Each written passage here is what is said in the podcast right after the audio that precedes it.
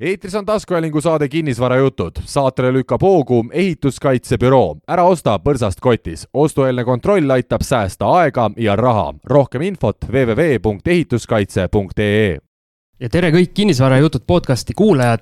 meil on Manta Maja stuudios kogunenud päris palju rahvast, sest salvestamisel on osa number kolmkümmend kaheksa juba. saatejuhtidena Siim Semiskar ja Algis Libik, tere Algis! tere Siim! kuidas vahepeal läinud on?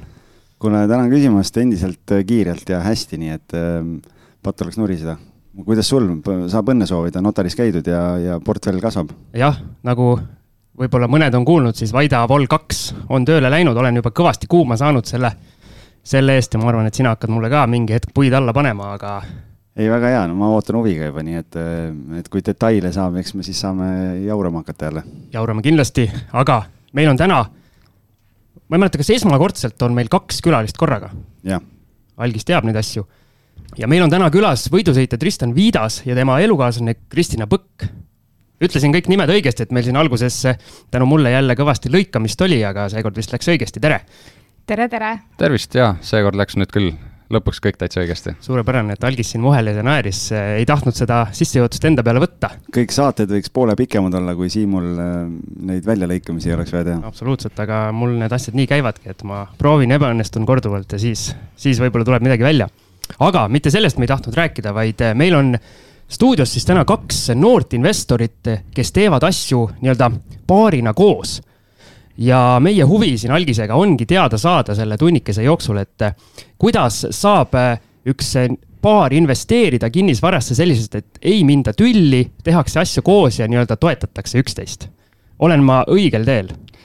jaa, et täitsa õige, tõesti, vanust meil mõlemal praeguse seisuga kakskümmend neli aastat ja sellest siis kuus aastat oleme veetnud koos elukaaslastena.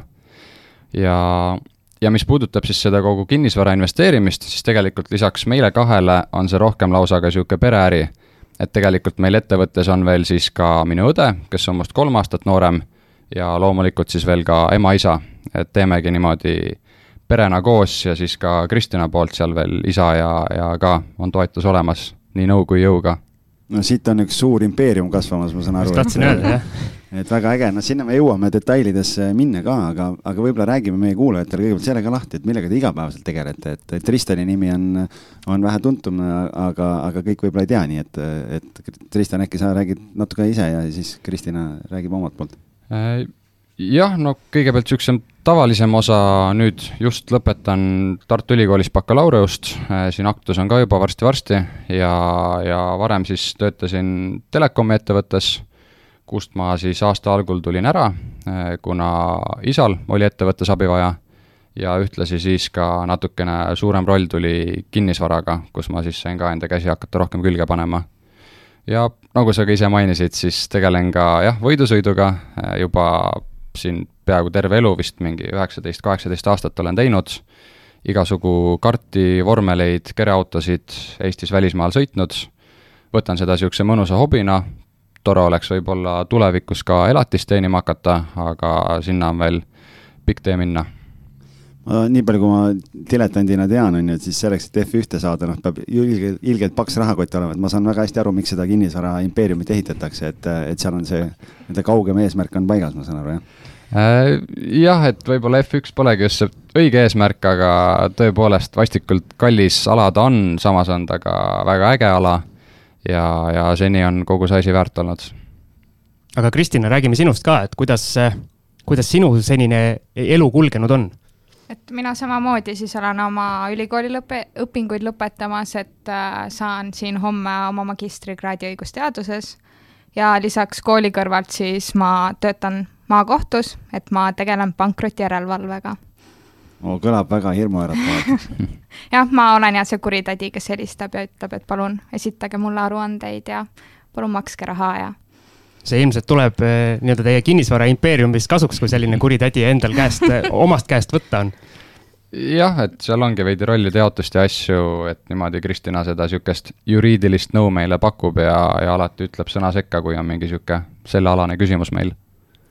aga minu nii-öelda huvi on, et kas see perefirma ja see rollide jaotus, kas see kuidagi tekkis teil nagu loogiliselt üldse see nii-öelda kinnisvarasse minek ja kõik see või, või võttis see omajagu aega, see settimine ka, et kes mida hakkab tegema, kellel üldse on huvi ja kes nii-öelda kaasa tuleb asjaga? ta tekkis iseenesest üsna spontaanselt, aga samas hästi kiiresti said meil asjad liikuma. et kui ma nüüd mõtlen meie kõige esimese üürikorteri peale, mis me ostsime ja kapitaalselt ära remontisime, siis see oligi minu arust siin kaks tuhat seitseteist, kaheksateist ja meil mingit varasemat juttu pereringis ei olnud, ei olnudki, et võiks korterit teha, lihtsalt kuna mul on endal niisugune isiklik huvi arhitektuuri vastu ja siis miskipärast üks õhtu jäin üksinda koju, Kristjan oli kuskil ajas enda asju ja loomulikult, kui seal konsoolimängud olid mängutud, pitsa oli söödud, siis läksin KV-sse kuulutusi vaatama ja leidsin niisuguse ägeda kapitaalremonti vajava korteri. ma korra segan vahele, tundub loogiline, et kõigepealt mängid, mängid mänge, siis sööd pitsat ja siis lähed KV-sse no kõht on täis ja meel on hea, vaata, noh siis on õige aeg minna. jah, täpselt niisugune paras maiuspala. Ja nägin kapitaalremonti vajavat korterit ja nägin kohe, et ka samas majas oli täiesti ära renoveeritud korter. Nägin, et seal olid niisugused hinnakäärid sees, enda nullteadmistega panin mingi remondieelarve kokku ja saatsin huvi pärast lihtsalt meie pere Messengeri gruppi, et näete, et niisugune huvitav asi. ja ega me sealt midagi ei lootnud ja siis järgmine hommik õde kirjutas, rääkis isaga, isa oli nõus, paneb meile väikse seemne ja ostame korteri ja hakkame üürikinnisvara tegema. et tuli väga puusalt niimoodi ja, ja tegelikult oli väga äge, et see niimoodi alguse sai. ehk siis te olite kahekümne ühe aastased? jah. Tristani õde isegi oli noorem, äkki kaheksateist mm. -hmm et jah no,. algis, mida meie, mida meie oma elu esimese poole tegime?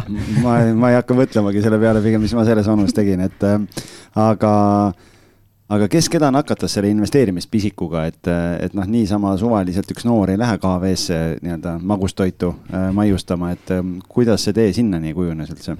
me arutasime ka, aga me ei jõudnudki selleni, et kuidas see täpselt nagu minuni jõudis, ma arvan, et mu isa kaudu, et mu isa on ka, ma ei tea, aktsiatesse investeerinud ja ühisrahastusse, et siis ma kuidagi tema kõrvalt äkki panin kõrva taha. Siis ma üks hetk üheteist, üheteistkümnendas klassis otsustasin, et ma nüüd tahan ka. Siis ma küsisin isalt, et kuule, et kuhu sa investeerid ja mida sa ostad? Ja siis äh, ta ütles, et et näe, ma annan sulle siia väikese raha juurde, et siis ei ole sul see alustussumma nii väike ja et vali ise ja loe ise, et tema midagi ei ütle, et kuhu peab või mida peab ja siis ma otsast hakkasin. ja sealt ilmselt Tristan vaatas ka, et, et võiks. jah, et Kristjani isal oli niisugune hästi huvitav nipp, millega ta siis nii Kristinat kui ka Kristjana nooremat õde motiveeris investeerimisega alustama oligi lihtsalt see, et kui mingi summa õed panevad kuskile portaali investeerima, siis täpselt sama suure summa paneb isa veel ise juurde aga mu õde ei ole väga suur investeerimishuviline, seega temal nõuab see nagu ikka veel seda abiraha panemist, et mulle niisugust boonuspaketti enam kahjuks ei ole. aga kust see piir läks, et isa ütles, et noh, kuule, sul on juba nüüd nii palju, et enam pole vaja, et? et, et tegelikult mulle ta andiski ainult ühe korra, aga mu arust mu õde siiamaani, ta väga ei taha ja siis, kui ta estate gurusse natuke raha paneb, siis mu isa paneb sama palju talle otsa, et tal on niisugune hea boonus alati. mulle tundub, et siin on mingi tark psühholoogiline mäng on, et noh, näitab ja vaata muus eas, et noh, ega mind tegelikult väga ei huvita ja nii ja naa ja tegelikult on mingi, raudselt on ülisuur mingi portfell on valmis juba, aga noh, ei no tuleb tark olla aga ma arvan, et eh, nii-öelda isa on ka tark, et vaata, kui teil see asi selles mõttes käest ära läheb, et juba oma kinnisvaraportfellid ja asjad, siis äh, ilmselt rahakotti ei kannataks väga juurde panna jah, kuidagi sealt, nagu Kristjan ütleski, tuli pisik minule, äh, samamoodi Kristjana järgi ma siis kaheteistkümnendas klassis alustasin, esmalt ühisrahastuses väikeste summadega, seal nii eralaenud kui ka siis lõpuks tuli ka estate guru ja kinnisvara ja siis ka veel sõrme otsaga niimoodi seal aktsiaid ka, kõik need LHV kasvukontod ja, ja Balti börsid ja niisugused asjad. aga miks just kinnisvara, mis teid seal nii-öelda kinnisvara valdkonnas kõige rohkem köidab? Mulle tundub, et see ongi see, et see on midagi füüsilist, mis sul olemas on, kuhu sa saad ise oma aega panustada, sa näed, kuidas see kogu aeg areneb ja lõpuks tegelikult on tore ka, kui mõni üürnik tuleb sisse ja ütleb, et kuule, teil on päris ilus asi tehtud, et see on motiveeriv. jah, ei, taha üldse kahtlaselt kõlada meie praeguste üürnike, kui nad kuulavad, aga tõesti, kui meil seal esimene või teine korter valmis olid ja üürnik sees oli, siis vahel ikka õhtul pimedas sõitsime korterist mööda ja oli nagu tore näha, kui tuli põleb ja mõelda, et nagu täitsa enda kätega on tehtud ja keegi saab seda enda koduks kutsuda. aga ma vahel küsin, kus see esimene korter, mis te tegite, mis piirkonnas see oli? Äh, me praegu olemegi tegutsenud Tartus ja siis Tartu ümbruses ka kõik need väikelinnad, mis seal on, et kuna me ise ka õpime seal Tartus ja Kristjan on ise ka Lõuna-Eestist pärit ja siis on selline hea lähedal tegutseda meil siin ühes hiljutises saates käis nii-öelda Tartu kinnisvaraparun Ergo Mõttus, et kas te tema nii-öelda jälgedes või tema impeeriumiga ka kuidagi kokku olete puutunud? Äh, ei ole kokkupuudet olnud, välja arvatud siis kõik need uhked pealkirjad igal pool ajalehtedes ja ka siin saates on käinud. ühesõnaga, ühesõnaga Tartu on ikkagi piisavalt suur, et mahub sinna hulganisti investoreid ära. natuke suurem kui Vaida, Siim. okei aga kuidas see tunne on, et, et kui palju see nagu juurde annab, et te paarina koos saate teha või, või kuidas see, kuidas see nii-öelda iga noh, rollide jaotus ja kõik asjad on siis, et kes, kes otsib objekte, kes toob raha ja kes äh, remonti teeb, et äh, kuidas see nüüd kõik ära on jaotatud? Äh, jah, meil otseselt kirja ei ole neid pandud, lihtsalt on kuidagi välja kujunenud, et loomulikult, kuna me oleme üks suur pere, siis seal kõik midagi teevad, et ei ole kindlat, et kuule, see ei ole minu asi, et tegelege ise. aga sisuliselt mina ja Kristina ja siis ka õde Simone käime kuulutusi läbi, otsime. kuna mina ja Kristina ainsana seal piirkonnas niimoodi elame, siis me käime ka korterit vaatamas, peame seal Kristinaga üürnikega tavaliselt, oleme see suhtluspunkt saadame arveid, kõige meeldivam osa.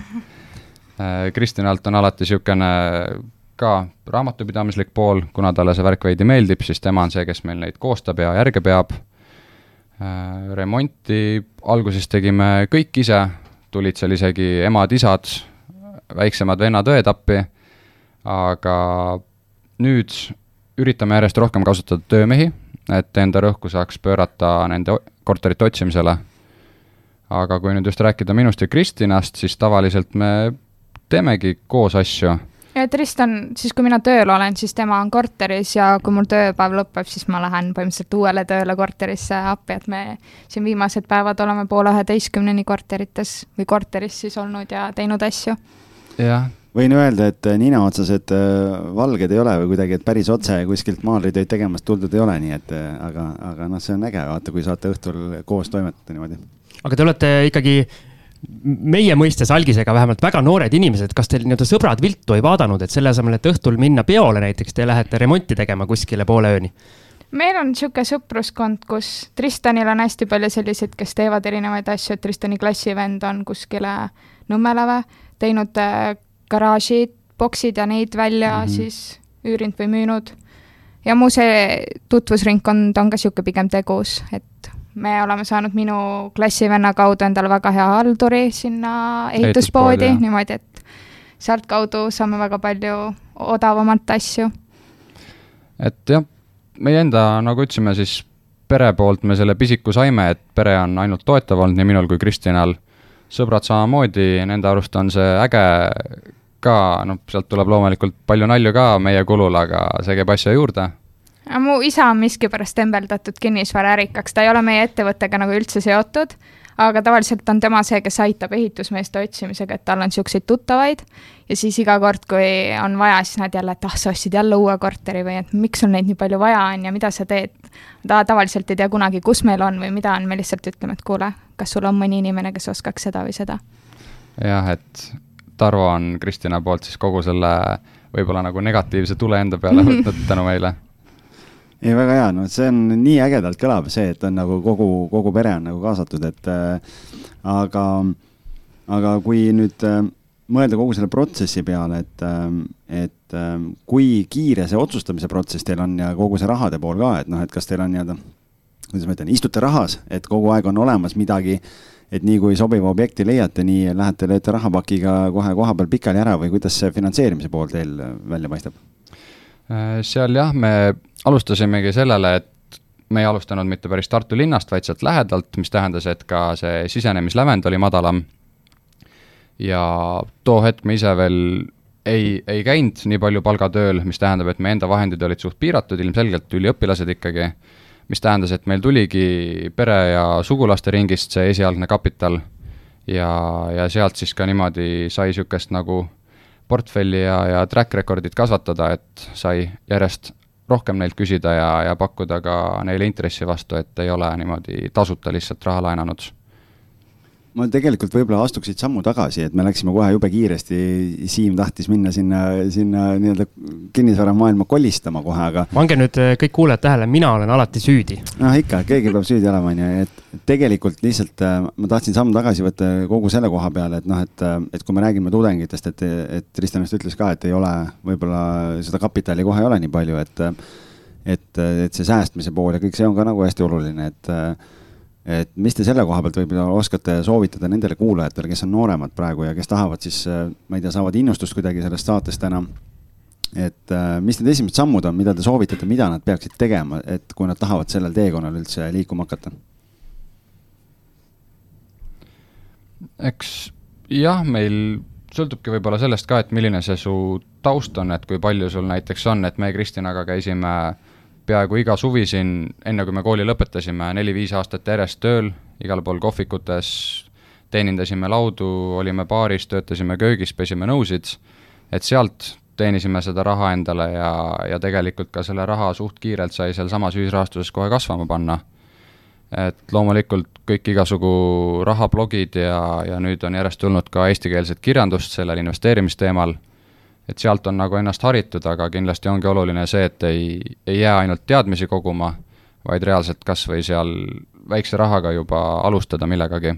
et saaks niimoodi natukenegi asjad liikuma, et kui järjest ajaga sa hakkad kõrgemat palka teenima, lõpetad ülikooli või lähed kohe tööle, et siis sa tead, kuhu seda raha hakata suunama, mitte ei hakka alles siis töö kõrvalt otsima mingit kohta selle raha jaoks. ja siis ilmselt tuleb neid äh, tuttavaid ka juurde, et kui ma ei tea, käia koolitustel või erinevatel festivalidel, et siis sa saad seda taustajõudu juurde, kellega võib-olla üks hetk pead kokku panna ja midagi koos ära teha. et jah, kui noorena mõtledki, et tahad kohe saada kinnisvarainvestoriks, siis üksinda võib see raske olla, loomulikult alati ei pea raha olema, piisab, kui sul on näiteks teadmised või, või kogemused, oskused aga jah, kui sa oled noor, siis võib juhtuda, et sul pole ühtegi neist kolmest asjast. et selles mõttes alati koos on lihtsam teha, nagu ka minul ja Kristjanal, meie kahekesi, pluss siis nii tema kui minu pere, et kuidagi saame niisuguse ägeda bändi kokku, kus igaüks mängib mingit erinevat muusikariista ja lõpuks on nagu päris äge muusika. vaata, Algis, kui sa oled kuulanud nii Eesti kui välismaa, välismaiseid selliseid lugusid või lugenud eh, inimestest, kes on kaugele jõudnud, siis kõik on alustanud noorena selliselt, et eh, kõvasti on vaeva nähtud ja, ja tööd tehtud ja siit tuleb täpselt samasugune asi koorub välja. jah, et see on suur vahe, kas sa suvel lähed, viskad eh, varbad kuskile rannavette või sa lähed ja pesed nõusid kuskil kohvikus, et eks sealt see vahe tuleb jah, et, et see on päris, päris hea, aga noh, siin muidugi au ja kiitus teie vanematele ka, ilmselt on sealt seda suunamist nagu päris palju olnud, et äh, et ja, ja noh, ega ise sai käidud ka ju tööl. seda ma ei usu aga, aga ma käisin isegi USA-s kaks suve onu juures tööl, aga küsimus on selles, et kui finantsteadmised on puudulikud ja sa selle rahaga nagu midagi peale ei oska hakata peale selle, see ära kulutada, noh siis see on nagu teine teema. ma just tahtsin öelda, et Algis sellepärast selle säästmisteema sisse tõi siin tagurdades, et eh, tema ise säästa ei oska ja ta tahab siin nõuandeid saada Va. vanad haavad kisti lahti lihtsalt vaata, et siis, siis kohe puudutas nii, nii valusalt. aga jätkame nüüd selle kinnisvaralainel eh, selles suunas, et et kummal või kellel teist kõige parem selline nina on nende tehingute peale, et kes neid otsuseid teeb või kes neid objekte otsib ja kas teil on vahest nagu vaidluseks ka läinud, et eh, üks ütleb, et see on jube hea objekt ja teine laidab nagu täielikult maha? Tristan on see, kellel on hästi palju aega kogu aeg, et surfata ja siis ta leiab ja saadab hästi palju ja tahab igale poole vaatama minna. aga kui ma neid kuulutusi avan, siis ma olen küll vahepeal, et kuule, pidur, pidur, pidur, me ei tee siukseid asju. et jah, no tõesti üritan sotsiaalmeedia aega vähendada ja pigem siis asendan seda mingite, nagu ütlesin, erinevate nende investeerimisblogide või, või ka KV kuulutustega. et jah, sisuliselt mina ja isa oleme siis võib-olla need, kes on kogu aeg, et teeme, teeme ja vaatame ja käime ja, ja pakume lihtsalt, lihtsalt pakume ja äkki mõni madal pakkumine võetakse vastu. ja siis naispool, nii Kristina kui õde ja ema on siis need, kes natukene üritavad meid tagasi hoida vahel õnnestub, vahel mitte. samas üks korter tuli täpselt niimoodi, et äh, mehed ei saanud korterit vaatama minna, saadeti kolm naist, Tristani ema, Tristani õde ja mina, ja pool tundi hiljem helistame, et tere, meil on nüüd korter. et jah, et see tuli täiesti meie initsiatiivil. et võib-olla ta ei ole niisugune nagu kõige paremini korras korter äh, või noh, kortermaja siis, aga ta on hästi iseloomuga ja see hakkas meile siis silma. aga seda juttu kuulates äh, mul tuleb nii-öelda silme ette enda kodune olukord, kus mina ka tahan kõik asjad ära osta ja siis mul abikaasa, abikaasa lihtsalt laidab kõik maha ja siin viimati just käisime seda just ostetud äh, Vaida korterit vaatamas koos lastega ja oi, mis nägu seal tehti, et äh, keeruline, keeruline on see investori elu. ahah, ma saan aru, et sa astusid üle koduse tabroo, vaata, et mm -hmm. no nii, no nii no.. jah, kõlab tõesti väga tuttavalt, samamoodi Kristjana leidis ühe ägeda kuulutuse. ma käisin vaatamas, mulle väga meeldis, veensin kõik ära, et me peame selle korteri ostma ja lõpuks siis, kui pärast notarit korteri kätte saime ja teised peale minu nägid esimest korda seda, siis neil võttis natuke sõnatuks küll algul ikka, et Tristan, mida sa meile ostsid? aga ei, see läks hästi ja tegelikult on väga äge korter sellest tulnud. nüüd on niisugune harjumus ka tulnud, et niisugused hullemad korterid ei tõmba hinge kohe kinni, et appi, mis meil nüüd on. aga see oli ja vist teine korter ja see oli nii kitsas ja jube pime, et korra olime küll, et mis asja, Tristan, et me saatsime sind vaatama ja mida sa ostad meile aga kes... kui, jah, algis, vabandust. kes notaris käib? Äh, me pigem Kristinaga kahekesi oleme kippunud käima. Äh, mina enam ei saa käia, ma ei ole enam juhatuse liige, et meil on ja nagu firmana see asi. kuidas nii siis?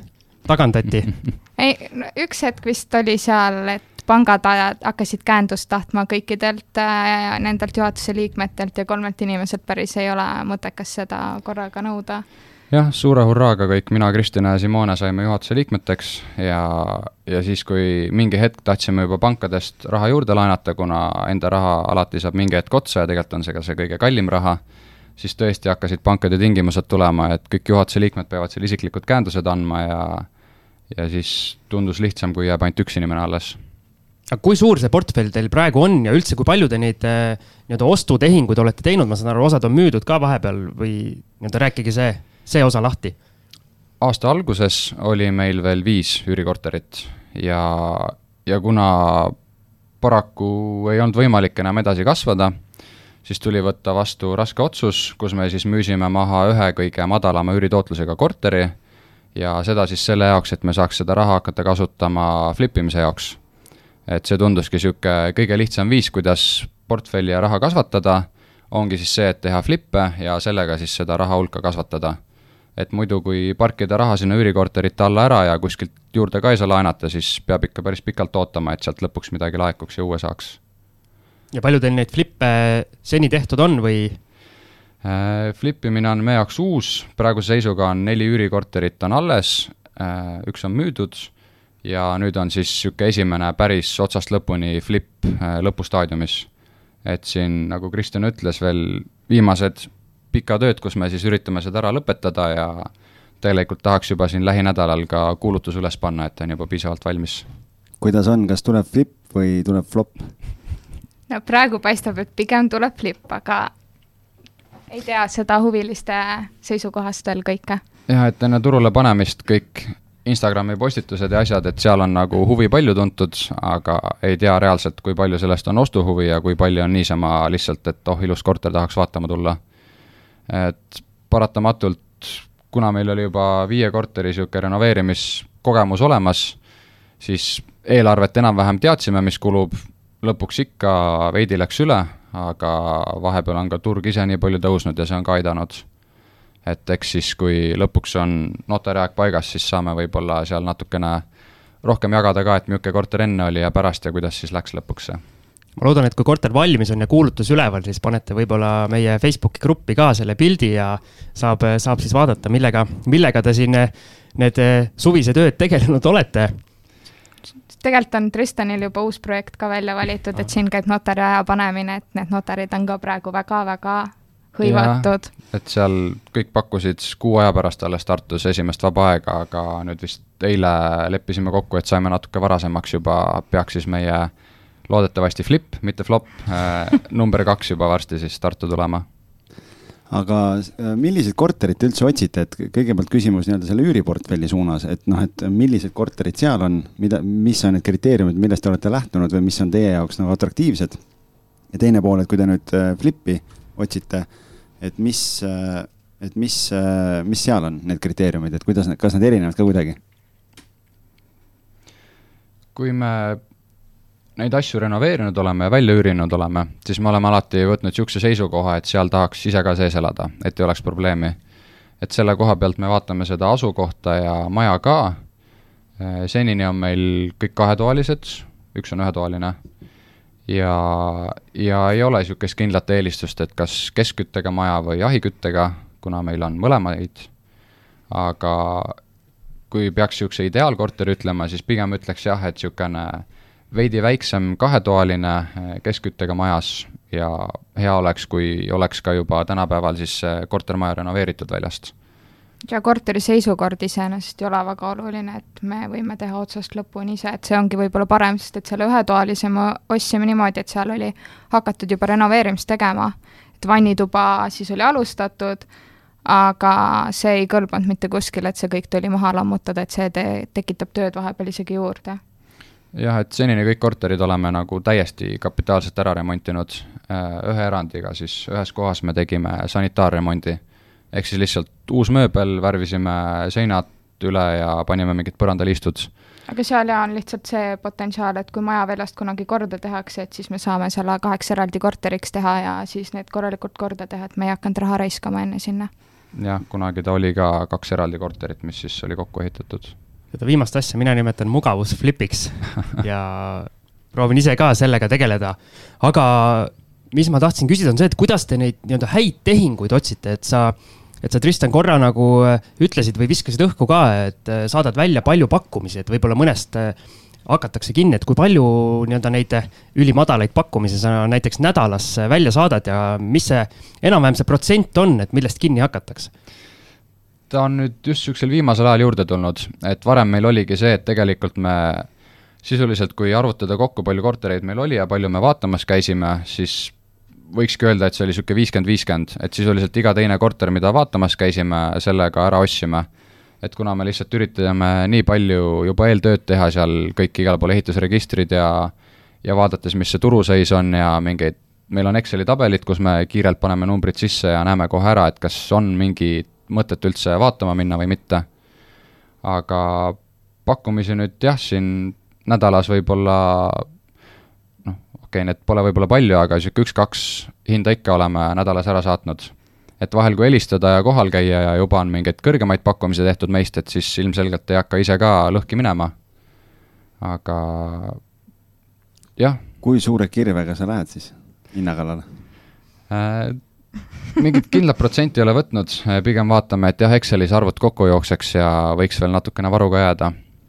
et kuna, kuna meid palju on, siis oleme proovinud ka ühte nippi Äh, mis ongi siis see, et keegi meist teeb, et ütleme, et meil on mingi X hind, millega me oleksime nõus ostma, ja siis keegi meist teeb sellest X hinnast madalama pakkumise. et me lihtsalt kardame seda, et muidu äkki meie selle madala hinna peale kohkutakse ära, isegi ei olda nõus kaaluma, ja siis ongi näiteks Kristina teeb ühe pakkumise, millega me ei loodagi seda korterit saada, ja siis mõne aja pärast mina teen näiteks selle pakkumise, millega me oleme valmis ostma.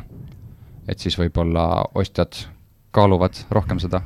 nüüd rääkisid sellise mammu välja et.... no nii, no nii, see on niisugune life hack on praegu meil siin, et äh, väga äge. Siimle kohe annab, saadab sõnumit juba naisele siin, nii et. hakkab äh, pakkumisi tegema aga siiski pean ütlema, et seni see ei ole veel toiminud, et ei ole ühtegi korterit niimoodi veel saanud omale. ja ükskord me läksime korterit vaatama ja siis Simone vist oli teinud pakkumise ja me läksime vaatama ja siis korteriomanik ütles ka, et jaa, et üks siin Tallinnas tegi mingi hullu pakkumise, et ma ei viitsi isegi vastata siuksele, siis me olime küll, et me teame jah, aga me ei hakanud midagi ütlema okei okay,, aga kas teil on mingi kindel piirkond ka või, või kuidagi Ergo mõttusega me ka arutasime, et olid mingid piirkonnad, kuhu tema väga ei lähe, et kas te, kui, kui laia haardega teie vaatate, et eh, on teil seal, on see filter väga kitsaks aetud?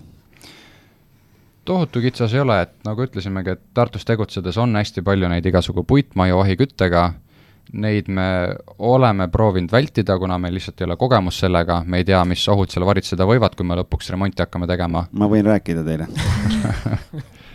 Et jah, olemegi eelistanud kivimaju. Ja tegelikult Tartust rääkides siis ka oleme üritanud mööda vaadata Annelinnast et kuna ta on selles mõttes, nagu Tallinnas on Lasnamägi, et seal on hästi-hästi palju pakkumist, palju inimesi ja, ja ka see asukoht tihtipeale võib olla seal kuskil Annelinna lõpus, mis Tartu mõistes ongi peaaegu et maailma lõpp. aga räägime korra nendest pakkumistest veel, et äh, kas sa teed pakkumist äh, või te teete siis pakkumist ainult nendele korteritele, mida te reaalselt ka vaatamas käite või olete need ka, kes seal, seal portaalis on ka see võimalus, et saada hind või midagi ja paned sinna oma selle numbri ja saadad teele nii-öelda poolanonüümselt?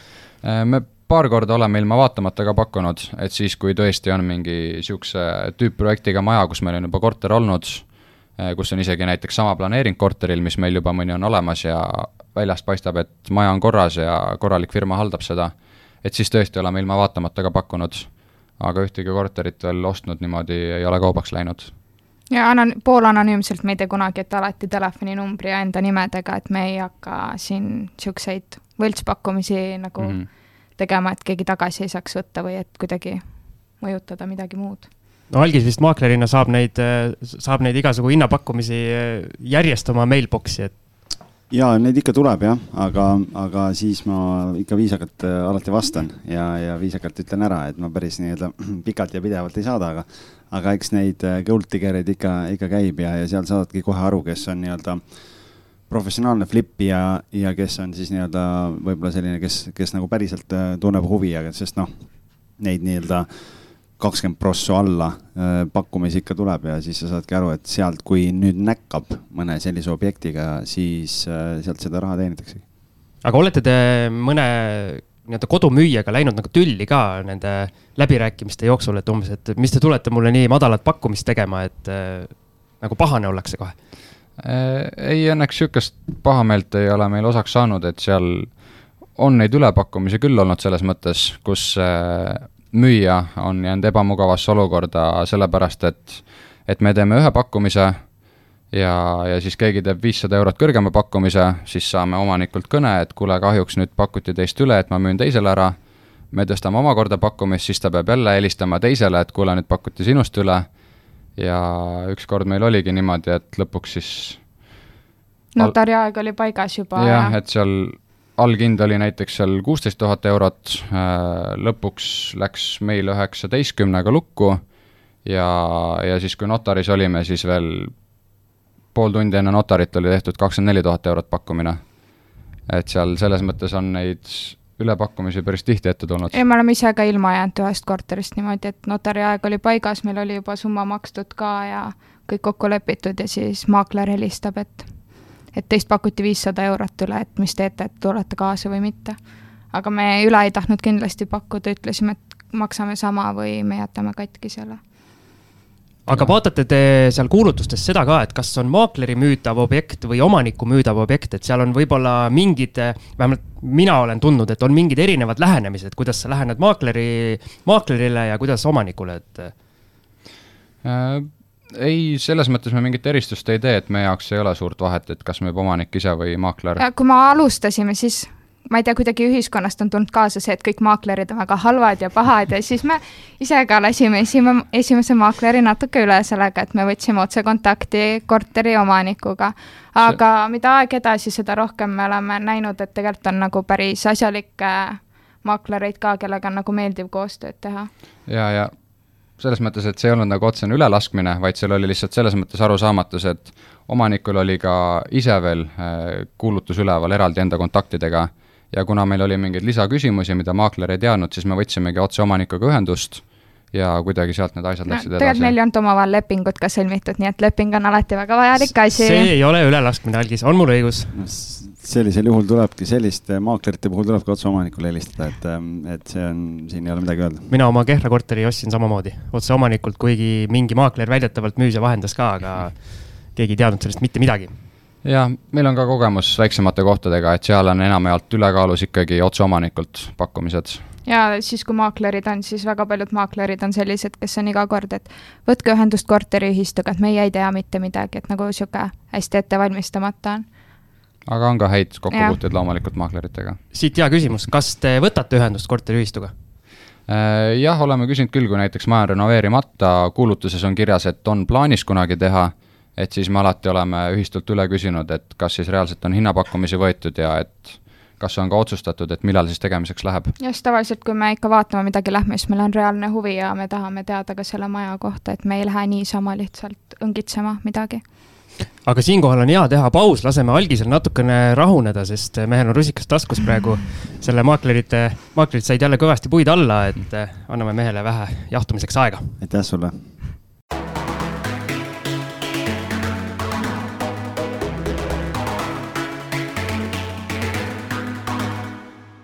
ja oleme väikeselt pausilt tagasi. algis saadab mulle siin väga kurje pilke, et aga ei ole midagi teha. kui on vastav elukutse valitud, siis tuleb, siis tuleb äh, paksu nahka kasvatada. mina muretsen ainult oma ninaisise pärast, iga teine inimene tehku oma tööst ise omad järeldused, nii et ma võtan täitsa rahulikult. nii, aga lähme nüüd meie külalistega edasi. mina tahaks ikka selle nii-öelda flip imise koha pealt äh, natukene küsida veel edasi, et äh, mis teil seal Excelis, sa rääkisid rääkisid, Tristan, oma või, või teie Exceli tabelis siis, et äh, mis teil seal Excelis selles mõttes peaks välja tulema, et kui sa paned selle ostuhinna, remondi äh, eelarve, mis see vahe peaks äh, nii-öelda teile kätte jääma, et teie jaoks see oleks äh, hea ja aktsepteeritav tehing? no praegu selle ühe flipi puhul, mis meil on lõppstaadiumis, ma saangi ainult hüpoteetiliselt rääkida, et kuna reaalselt veel ei ole midagi seal lukku löödud ja valmis saanud aga sisuliselt see algne tabel, mille järgi me läksime tehingusse ja otsustasime asja ette võtta, äh, seal näitas, ma vist arvutasin selle, jah, aasta tootlusesse ümber panduna tuli ta sinna vahemikku kakskümmend viis kuni kolmkümmend protsenti tootlust. ja siis lootsime ta kolme-nelja kuuga valmis saada ja tegelikult nüüd täna täpselt ongi, just sai kolm kuud täis sellest hetkest, kui me korteri kätte saime ja peaks nüüd ka kuulutus üles minema. no kakskümmend viis, kolmkümmend protsenti on väga, väga hea tulemus, ma küsin võib-olla selle kohta, kuidas see Excel tekkis, et äh, kust te selle leidsite või, või te panite ise päris kokku või ku, kuidas see tööriist tekkis teil üldse mm,? no selles mõttes, kuna investeerimisega olen juba pikemalt tegelenud kui, kui kinnisvaraga, siis loomulikult kogu selle suure hurraaga, kui ma hakkasin kõiki asju lugema ja õppima, siis sai ka enda nii-öelda portfelli väärtust hakatud kirja panema ja kõiki igakuiseid intresse lausa kirja panema ja niimoodi. ja sealt kuidagi see Exceli huvi tuli, niimoodi, et selle siis me olemegi täitsa ise kokku pannud, aga sisuliselt iga aasta ta siis natuke täieneb ja muutub täpsemaks ja selliseks paremaks aga seda flip imist teete selle nii-öelda FFF ehk see Friends, Fools and äh, Family rahaga? kui kerge on sellist äh, nii-öelda laenu peale võtta isegi nii-öelda sõpradelt-tuttavatelt? Äh, ta iseenesest läheb ka aina kergemaks, kuna juba meil on stabiilne üürivoog, kust tuleb iga kuu raha ja lisaks me saame ka ette näidata siis kõiki neid kortereid, millised nad enne olid, millised nüüd on, sellega saab inimestele näidata, et me oskame, jagame oma asja ja ka järjest enda tutvusringkond saab vanemaks, tekib rohkem kapitali ja oleme ka juba seal rääkinud ja on ka peaaegu et ise pakkuma tuldud, et kui peaks raha olema vaja, siis võta ühendust ja räägime näiteks tingimused läbi. mis need tingimused on, millega te raha sisse võtate, et äh, mis protsent on? Äh, praegu ta on jäänud sinna seitsme protsendi juurde et seal on ka erinevalt, et kas, kes soovib hüpoteeki ja kes mitte, aga aga jah, eesmärk loomulikult on see, et mingi hetk saaks liikuda üle pangalaenude peale, millega seni veel ei ole õnne olnud, et me olemegi sisuliselt nii-öelda kaks vooru nagu proovinud, esimest korda oli siis eelmine kevad. üürikorteri jaoks, siis ja. öeldi, et me üüri ei rahasta.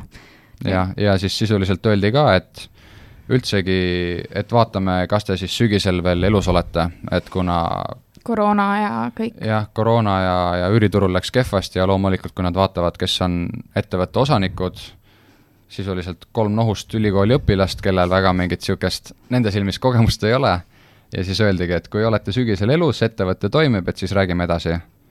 aga ja... räägi, räägiti siis edasi ka või?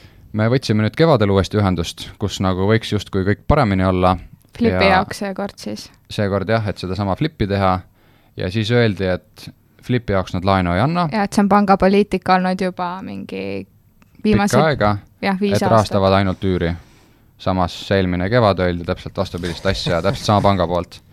ja, ja siis ka need pangad, mis, mis ütlesid, et jah, nad on nõus, siis seal olid jällegi mingid teised tingimused, et ei tulnud see miinimumsumma kokku, mis kui sa ostad flipi kortereid, siis need tavaliselt ongi ju odavamad ja, ja ka lõpuks intress sisuliselt tuli kallim, kui, kui me eraisikutelt saame. aga ma saan aru, see tuttavate eralaenud, te teete ikka kõik korralikud lepingud, kui vaja, annate hüpoteegi ja niimoodi, et öeldakse ju, et kõige kindlam viis sõpra kaotada on talle raha laenata. kas see nii-öelda teie puhul seni ei ole kehtinud? jah, me ikkagi üritame, kuna me loomulikult tahame edasi kasvada, järjest suuremaks minna, siis me olemegi algusest peale teinud kõike korralikult, ametlikult läbi ettevõtte, kõik laenulepingud, asjad ilusti, päris allkirjad, digiallkirjad et ei ole proovinud seal väga mingeid nurki viilida ja, ja loomulikult ei taha ilmselgelt kellegagi tülli minna, mis tegelikult on suur oht, kui niimoodi hõimlaste või sugulaste või perega seda asja teha. Et see risk on alati olemas ja sellepärast me olemegi proovinud vältida äh, seda, et mingi arusaamatus tekib et selle asjaga vist on niimoodi, et kui sa laenad äh, nii-öelda erakapitali, siis sa saad ühe korra, ühe korra eksida ja midagi valesti teha ja siis, äh, siis sinu teed edasi on kinni mm. -hmm no loodame, et nii ei lähe, et praegu siiamaani on ju, on ju kenasti läinud, nii et äh, lihtsalt see on hea, et on nii-öelda kainestavat poolt on ka, kes võib-olla seda kässarit tõmbab, et muidu kui oleks selline jah, ainult emotsioonide najal toimetamine, et siis, siis võib see põlemine nagu kiiresti tulla, aga. jah, see oleks halb küll, kui siin ainult üks hullupilguga tüüp on, et meil siin tihtipeale tulebki sihuke asi ette, et juba õhtul tuled on kustus, oleme voodis, justkui peaks nagu ööaeg, uneaeg tulema ja siis loomulikult on Tristan, kes küsib, et pst, Kristina, kas sa magad? tuleb loomulikult mingi unine jah, magan küll ja siis Tristan vastab edasi, et okei okay,, kuule, räägime natuke korteritest. et kas sa mäletad seda korterit, mis me ükskord tegime? mis sa arvad, kui uues teeks nüüd niimoodi ja niimoodi? et selles mõttes jah, et, et on hea, kui on niisugune kainestav pool ka natuke pidurdamas vahepeal ei, see on äge, see on, see on lahe, noh, see on, see on see kirg on seal sees, et see, see on ainult hea. ja niimoodi jõuab kaugele, mina ja. ütlen siit eh, laua otsast vaadates. ma just tahtsin öelda, et kui kogu Eesti noorem põlvkond selline on, siis Eesti on väga heades kätes, nii et sellele on niimoodi. siis ei oleks häid flippimisobjekte saada hea, et te Tartus olete. aga tulles tagasi teie nii-öelda üüriportfelli juurde, kui teil nüüd see esimene flip ja see teine, mis eh, võib-olla siis kohe-kohe käima läheb, et eh, kui need nüüd üliedukaks muutuvad, kas on plaan äkki eh, seda nii-öelda nelja korteriga üüriportfelli võib-olla veel vähendada, et seda flip imis business'it eh, ehk laiendada, et seda kapitali kasvatada või need neli on teil nii-öelda seemneks alles jäämas ja siis vaatate edasi Tegel? tegelikult me üritame ikkagi nii vähe kui võimalik müüa neid, et need, mis on nagu üürikorteriteks soetatud, et need jääks ka nad on kuidagi sellised nagu enda lapsed ka, need esimesed, et sinna on vaeva pandud ja nad näevad täitsa nagu viisakad välja võrreldes äh, selle turuga, mis seal on, on, et ei ole mingi köögis sul vetsupott või dušinurk, et, et meil on ikka sellised korralikud ja kuhu tahaks isegi minna. üürivanni ei ole? jah, veel ei ole, et sisuliselt kõige esimene korter, mis me tegime, tegimegi peaaegu nullist lõpuni ise seal mingite Youtube'i õpetuste ja asjade najal, et loomulikult torutööd ja plaatimised ostsime sisse, aga nüüd oleme küll järjest vähem enda higi hakanud panema ja järjest järjest rohkem töömehi kasutama. aga jah, kogu selle flip imise eesmärk ikkagi olekski see, et kasvatada üüriportfelli siis selle tulu pealt, mis sealt flip imise pealt võiks tulla ja sellest esimesest renoveerimisest on, on lubanud Kristjan ja Kristina meile ühe boonusosa rääkida, et mis nad kõik seal õigesti ja valesti tegid. et ja, seda siis. rohkem valesti rohkem valesti, seda saate kuulata siis need, kes te olete meie toetajaks hakanud, patreon.com, kaldkriips, kinnisvarajutud on see koht. aga selline küsimus, kas teil nagu, nagu Kristina mainis, et need nii-öelda korterid on natuke nagu nii-öelda oma lapsed ka, et kas teil selle müügiga mingit äh, sellist probleemi ei ole, et on raske ära müüa või midagi. okei okay,, teil vist see üks müük on olnud, eks, aga näiteks selle flipiga, et teetegi nii hea korteri ja tahaks ikka endale jätta, et võib-olla ei panegi seda nii-öelda notari aega, kui juba huviline isegi olemas. no tegelikult meil on juba küsitud, et kas me tahame üürile anda seda, et nagu jah, raske on müüa, aga samas äh, kasvada on olulisem kui jätta müümata asjad jah, et alguses raha, mis näiteks laenatud selle korteri jaoks, oligi kindla tagastamistähtajaga ja päris ei saa nüüd minna laenuandjaga läbi rääkima, et kuule, et muudaks seal natuke laenu tähtaega või niimoodi ja ja tegelikult ka see üüritootlus sellel korteril ei, ei tule nii hea, et ta oligi just flip imise jaoks ostetud. et selles mõttes, aga jah, näiteks kui neid teisi üürikortereid peaks müüma hakkama, siis võib natuke raskeks äkki küll minna, tulevad emotsioonid mängu siin meil ühes hiljutises saates käis külas Priit Pedanik, kes oli nii-öelda vastupidiselt meelestatud, et te, temal põhimõtteliselt kogu portfell on kogu aeg müügis. et äh, ostan, müün ja vahetan. jah, no loodame, et on ostan, müün ja vahetan, mitte ostan, müün ja kahetsen, et, et see oleks nagu hullem variant, aga aga räägime üürnikest ka võib-olla, et, et teil on ju nüüd need neli üürikorterit ja, ja, ja üürnike otsimine. kas te otsite ise või kasutate maaklereid või kuidas see pool teil välja näeb? Kuna meil on aega olnud, siis me oleme ise ikka üritanud otsida ja kuna me oleme sellises vanuses, kus kõik tahavad kodudest välja ka kolida, siis me oleme saanud päris palju selliseid tuttavaid või inimesi, keda me teame, et me ei ole pidanud väga palju selliseid kuulutusi otseselt tegema, et ongi korterid, mis on juba renoveerimise käigus siis põhimõtteliselt üürilepinguga kaetud juba peaaegu kas seal seda ohtu ei ole, et kui sõber või tuttav panna korterisse, et, et jube raske on, kui mingid probleemid tekivad, et nende probleemide lahendamine on nagu emotsionaalselt keerulisem kui siis, kui sul on täiesti võõras inimene, et, et seda kuidagi väärtuskonflikti ei ole tekkinud enda sees? tegelikult selles mõttes on raske küll, et kui see koroonaaeg oli, siis ühes korteris, kus on selline tuttav sees, tahtis seda üürialandust, et me oleme talle juba ühe korra teinud, kui ta sisse kolis äh, kuna see oli ka koroona ajal. jah, et siis me ühe korra olime teinud talle, et võib-olla nagu võõrale ei oleks teinud, aga, aga no kuidas sa ütled tuttavale päris, et kuule, ei, meil on ikka endal raha olulisem, kui sulle natukene see paar, paarkümmend eurot alla tulla teed alla hinnas ja siis nädalavahetusel näed kuskil vanalinnas, ütled, teeme shot'id onju, et siis minu kulul on ja siis ütled, et no väga hea, et see on nagu üüriraha, et noh, okei okay,, et, et, et sihuke jah noh, ma ütlen, see on minu jaoks tundub see nagu niisugune natuke keeruline koht, et. Äh, jah, eks ta mõnes mõttes ole küll, võib-olla see natuke teeb asju lihtsamaks, et need praegused, kes on, kas on siis nagu läbi tutvuste tuttavad või on just siis meie nooremate õdedega omavahel rohkem tuttavad kui meiega. et selles mõttes nagu päris sõbrale sõbrale niimoodi otseselt ei ole ühtegi korterit üürinud veel. et üks, üks nii-öelda kiht, kes selle tule enda peale võtab, on ikkagi vahel, jah? jaa et aga samas see on teinud ka, nagu Kristjan ütles, selle leidmise lihtsamaks, et ühe korra vist oleme ainult portaali üles pannud kuulutuse, et ülejäänud ajal on lihtsalt seal meie enda tutvusringkonnas niimoodi sõna levinud ja oleme need huvilised leidnud omale. aga kuidas te endale need üürihinnad määrate, et kas te vaatate, vaatate seda, mis ülejäänud turg pakub ja teete sealt mingid arvutused? Äh, me oleme ikkagi jah, põhiliselt võtamegi seal, siis kui näiteks mingi korteri juba ära ostame, eh, siis sellest hetkest alates hakkame vaatama seal ümbruskonna neid üürihindu.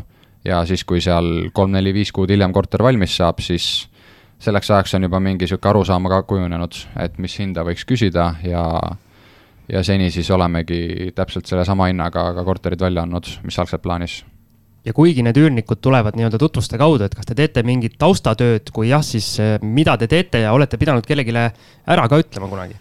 no tegelikult me oleme vist Facebooki ka pannud äh, kuskile gruppi ühe korra.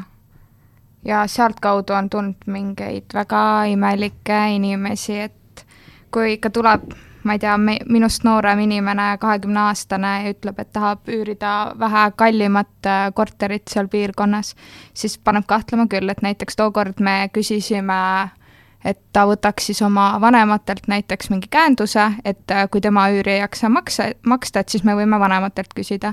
aga selle peale kohe ütles, et tema ei soovi ja minek, et noh, see juba tekitab mingeid kahtlusi aga jah, ikkagi laseme sisuliselt kõik siis Google'ist ja, ja ka Facebookist ja niimoodi. jah, tüdrukutele omaselt Instagramist ja sealt on tulnud niisuguseid imelike pudelitega pilte, et need oleme ka kohe kõrvale jätnud. pudelike, pudelitega pildid jätate kõrvale või üürniku jätate kõrvale üürniku et jah, kuna senini me ikkagi oleme teinud kortereid, kus tahaks ka ise elada, siis veel huvilistest ei ole puudust tulnud, et alati on niisugune valikuvõimalus ikkagi olnud võib-olla lihtsalt, et nii-öelda paremat perspektiivi anda kuulajatele ka, et mis äh, suurusjärgust üüridest me räägime üldse, et äh, millised korterid need on? Äh, kõige odavam ühetoaline korter, mis meil on, ainuke, seal on meil kakssada kakskümmend kuus, aga seal ülejäänud korterid jäävad vahemikku siis kakssada üheksakümmend kuni, kuni kolmsada üheksakümmend. ja need kõik ei ole Tartu linnas sees ka selles mõttes, et? jah, et ei ole jällegi nii korterite ostu kui ka üürihinnad ei ole võrreldavad Tallinnaga, aga jah. no Siimul on hea suhe. Vaidaga on väga hea võrrelda. ma just tahtsin öelda, et Siim kohe tunneb, et noh, minu, minu maa, et. no Vaida on poolel teel Tartusse peaaegu kusjuures äh, on päris palju tagasisidet selle Vaidaga tulnud. Kristi Saare just kirjutas mulle, ütles, et äh, iga kord, kui ta Tartusse sõidab ja seda silti näeb, siis ta, siis ta mõtleb meie peale. no, no väga äge, no väga äge, nii et äh, sa oled ühe koha maailmakaardile toonud ja, ja sain tegelikult sinna esimesse korterisse uue üürniku sisse, et äh, sa võid selle puhul ka järgmine kord äkki ise kommikarbi tuua. aa, väga hea, no ma pean meeles aga kas te, kui me nendest piirkondadest räägime, kas te ei ole mõelnud vaadata näiteks kuskile kaugemale veel sealt Tartu lähipiirkonnast veel, ma ei tea, mis seal Kesk-Eestis ja võib-olla seal Lõuna-Eestis veel Võrud ja Valgad ja Valgas on eriti odav kinnisvara, ma tean. jah, Valgat, Võru oleme jälginud küll ise jaa, aga Valgaga on see, et seda piirkonda väga ei tunne, siis ei julge ka. et Võrusse me oleme mõelnud küll, aga ma ei tea, ikkagi lõpus on mingi hääleke sees öelnud, et kuule, seekord jätaks vahele. aga iseenesest jah, seal pigem on see mõte olnud, et kuna, kuna minu pere kõik on siin pealinnas, siis ka, ka endal on mõte olnud, et võib-olla peale ülikooli peaks liikuma pealinna. Ja siis on küll tekkinud see mõte, et kuidas nagu nende olemasolevate korteritega peaks tegema, et see haldus võib minna veidike keerulisemaks.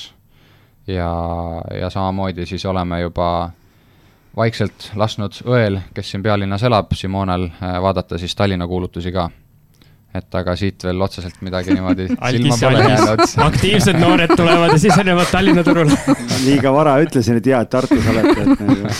ma loodan, et poolel teel Vaidast pidama ei jääda jah, et Siim, Siimul läks kohe külm higi tuli otsa ette siin. jamaks läheb. Aga ei ole midagi, tuleb ise, ise paremaks saada.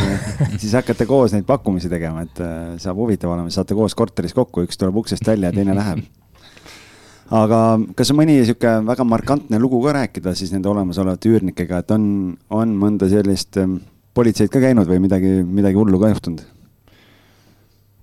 seni on, on hästi läinud ja loodetavasti see jääb ka niimoodi, et ei, jah, ei ole kellegilt mingeid kaebusi saanud meie üürnike osas. et pigem on üürnikud ise seal kaevanud naabrite kohta, et kas seal vahel tuleb mingit suitsuhaisu või, või mingeid niisuguseid asju. et aga jah, praegu on veel hästi läinud, et võib-olla seetõttu, et on tegu tuttavatega või siis ka on siin naiseliku poole sisehääl, mis on ka hästi tähtis, et endal oleks üürnikes niisugune hea enesetunne ja, ja hea klapp. et aga siin on vedanud. kuidas see Tartu kinnisvaraturg üldse praegu, et seal on hästi palju uusarendusi on viimaste aastate jooksul tulnud, et eh, muidu oli niisugune loksuv vesi, aga nüüd on nagu hirmus ehitamine lahti läinud, aga kui lühidalt rääkida Tartu kinnisvaraturust, et mis seal toimub praegu üldse mm.? jah, nagu sa välja tõid, et siis me ise oleme ka endale vaadanud enda kodu, äh, mida kodulaenuga osta ja algselt oli mõte pigem mingisse uuemasse arendusse vaadata, aga tõesti siin veel aasta või kaks tagasi ei olnud neid nii palju ja nüüd siis võrreldes sellega, mis varem Tartus oli, on neid tõesti hakanud palju juurde tulema. aga kui me räägime enda vaatepunktist, mis nagu üüriturul toimub, siis jah, siiamaani ei, on tunne, et ei ole veel taastunud. et kuna ikkagi siin järjest nüüd ju see kevadsemester näiteks ülikoolis, mis mõjutab kõvasti Tartu üüriturgu, samamoodi oli kõik kaug-distantsõpe. et loodetavasti siis sügisel tulevad ka üliõpilased tagasi ja muutub väheke aktiivsemaks kogu see värk. aga räägi sellest Tartu lähipiirkonnast, mind huvitavad just need lähipiirkonnad, et äh, kui palju see hind seal järjest langemas on ja mis need, mis need kõige kuumemad kohad on näiteks, kus teie vaatate, kus teil võib-olla on üürikorterid või kus te neid flippe soovite saada? Äh, seal ongi just näha niisugust päris räiget hüpet ülespoole, äh, mõnevõrra üllatuslikult. et jah, võib-olla just näiteks seesama sügisel vabanev pensioniraha mõjutabki neid väikekohti just, et kui pangad ei ole nõus andma laene sinna maapiirkondadesse või lihtsalt ka panga see laenu miinimumnõue on kõrgem, kui mingi korter on, et siis sealt võib-olla juba ette keegi seal spekuleerib, aga päris kõvasti oleme näinud küll seal tõusu nii, nii Elvas, Põlvas, Võrus ja ka Valgas, kus me nagu kogu aeg niimoodi pilku peal hoiame ja vaatame. et selles mõttes on natuke ehmatanud küll, niisugune rongist mahajäämise tunne on, et oleme fookuse pööranud Tartule ja kuskil mujal tõuseb palju kiiremini kogu see värk. tundub nagu Vaida aga Ülenurmet ei maininudki, et see on ka ju üsna Tartu lähedal, et sinna pole, ei ole mingil põhjusel pilku pööranud, et äh, mis see Tallinnast vaadatuna, et äh, mis see kohaliku silm ütleb, et miks mitte sinna? mida, mu jaoks on ta olnud kogu aeg sihuke erarajoon, et seal on hästi palju eramaju, et ma ei ole kunagi nagu mõelnudki sinnapoole rohkem vaadata väga. jah, ja no nagu me ütlesimegi, et enamik meie üürnikke on kas meie mingi tuttavate tuttavad või, või siis meie vanuses üliõpilased, et sellest on see ka asukoht niisugune üsna oluline, et see on ka põhjus, miks me ei ole näiteks Annelinna just sinna tahaotsa nii palju vaadanud, et kuigi potentsiaali võib näiteks üüri poolest olla, siis ikkagi kui ise tahaks elada või üliõpilasele anda, siis pigem on keeruline sealt kuskilt tagaotsast linna sõita ülikooli. ma siin hiljuti olen mõned korrad Paidesse sattunud, kas ei ole Paide teil kaardile jäänud? natuke liiga kaugeks on jäänud. jah, et no jah, ta on küll peaaegu tee peal, kui me siin kogu aeg Tallinn-Tartu vahelt sõidame, aga seni oleme ainult seal lõunakandis veel pilku hoidnud ja natuke nillinud siis ka Tallinna. aga võtame selle pildi nüüd laiemaks eh, enne saate saate lõppu, et äh, mis teie nii-öelda pikemaaegsem eesmärk on selle kinnisvarasse ja üldse investeerimisega, et äh, hästi kuum teema on see finantsvabadus, kas see on eesmärk või ongi ikkagi selline korralik suur, suur äh, kinnisvaraimpeerium vaja üles ehitada? kui me, kui me alustasime, siis kinnisvara ei olnud eesmärk omaette, et ta pigem oligi niisugune vahend millega me saame mingisuguse niisuguse stabiilse sissetuleku kindlustada, et me saaksime siis teha neid asju, mis meile endale meeldib. Ja ma mõtlen just siis näiteks töö või, või ettevõtluse poolest, et me ei peaks olema kuskil palgatööl, mis meile ei meeldi, lihtsalt sellepärast, et me muidu ei ela ära ja jääme nälga. aga mida rohkem ma ise olen teinud, seda rohkem on see tegelikult mulle ka meeldima hakanud.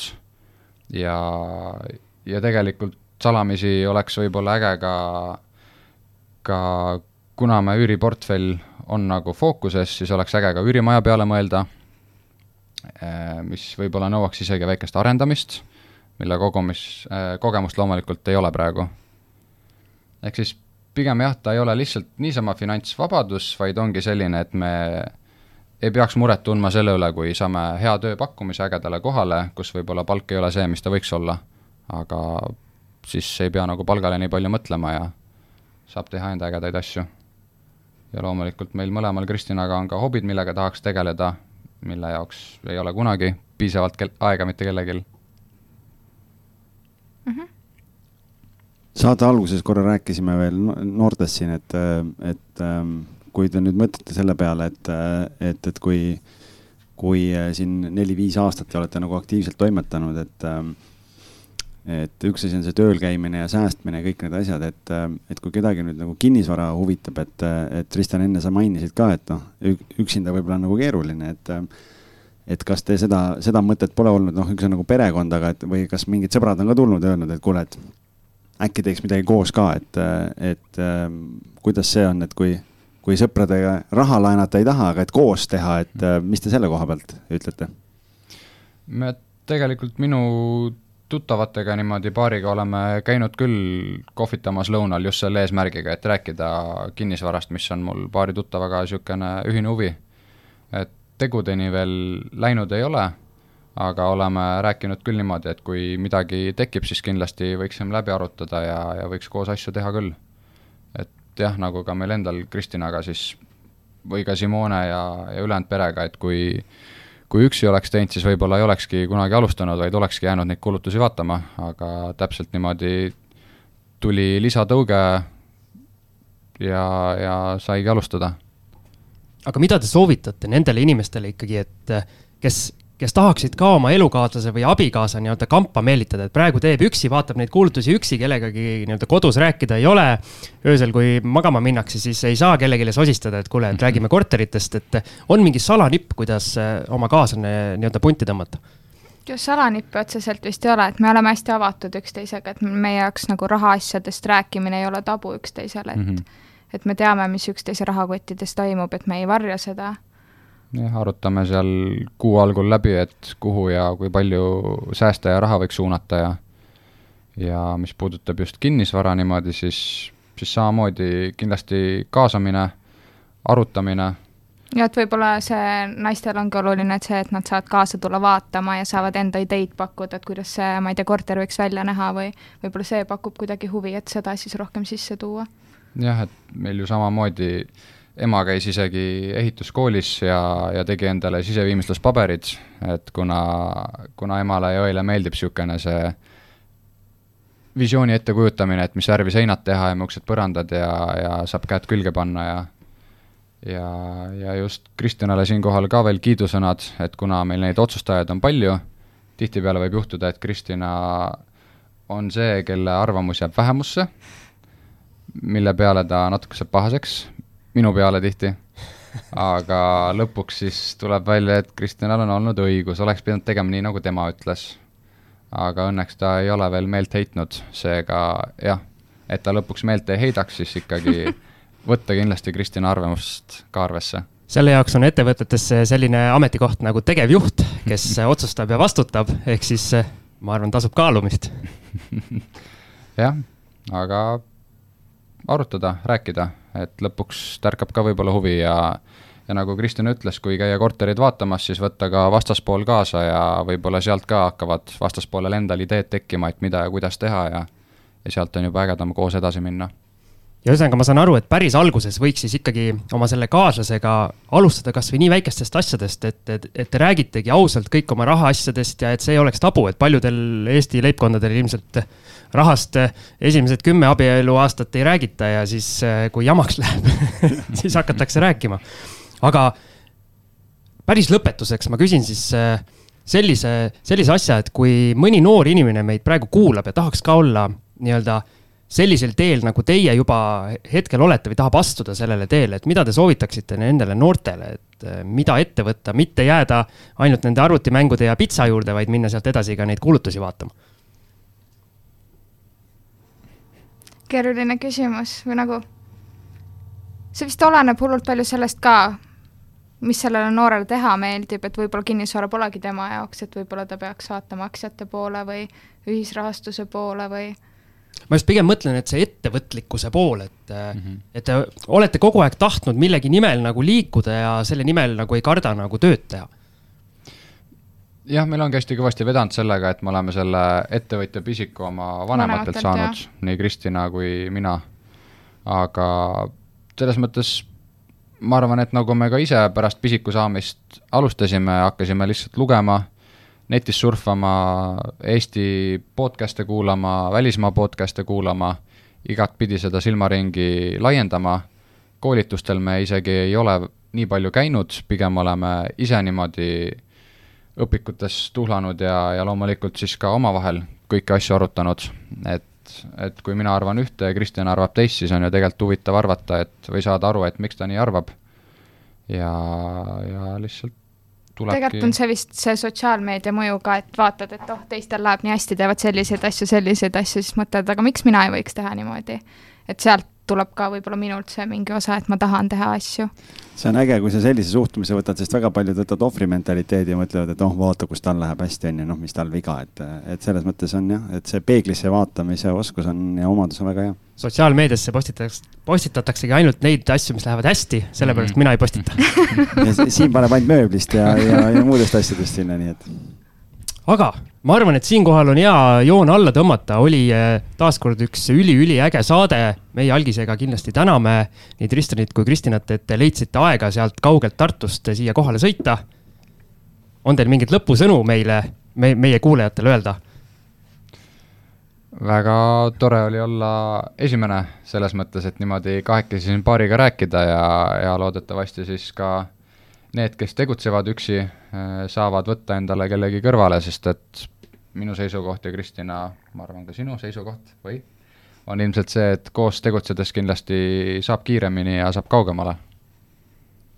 mul on nii hea meel teie pärast, nii äge, et, et saite meil saatesse tulla, et ähm, ja ma loodan siis, et see ei ole nüüd viimane kord, kui meil ka nii-öelda paarina äh, saatesse tullakse, nii et tegite otsa lahti, võib-olla nüüd ei saa pidama enam. Ma arvan, Algis, mul tuli siit praegu kohe eksprompt selline mõte, et me peaks ühe saate tegema oma abikaasadega, kutsuma nad stuudiosse ja rääkima, et kuidas nad vastu peavad no see oleks päris huvitav jah, see oleks päris huvitav. no vot, aga veel kord aitäh kõigile ja meie toetajad saavad siis, kui jäi kuulamisest väheseks, saavad varsti ka ühe boonusosa. olge tublid. kõike head. aitäh, tšau-tšau.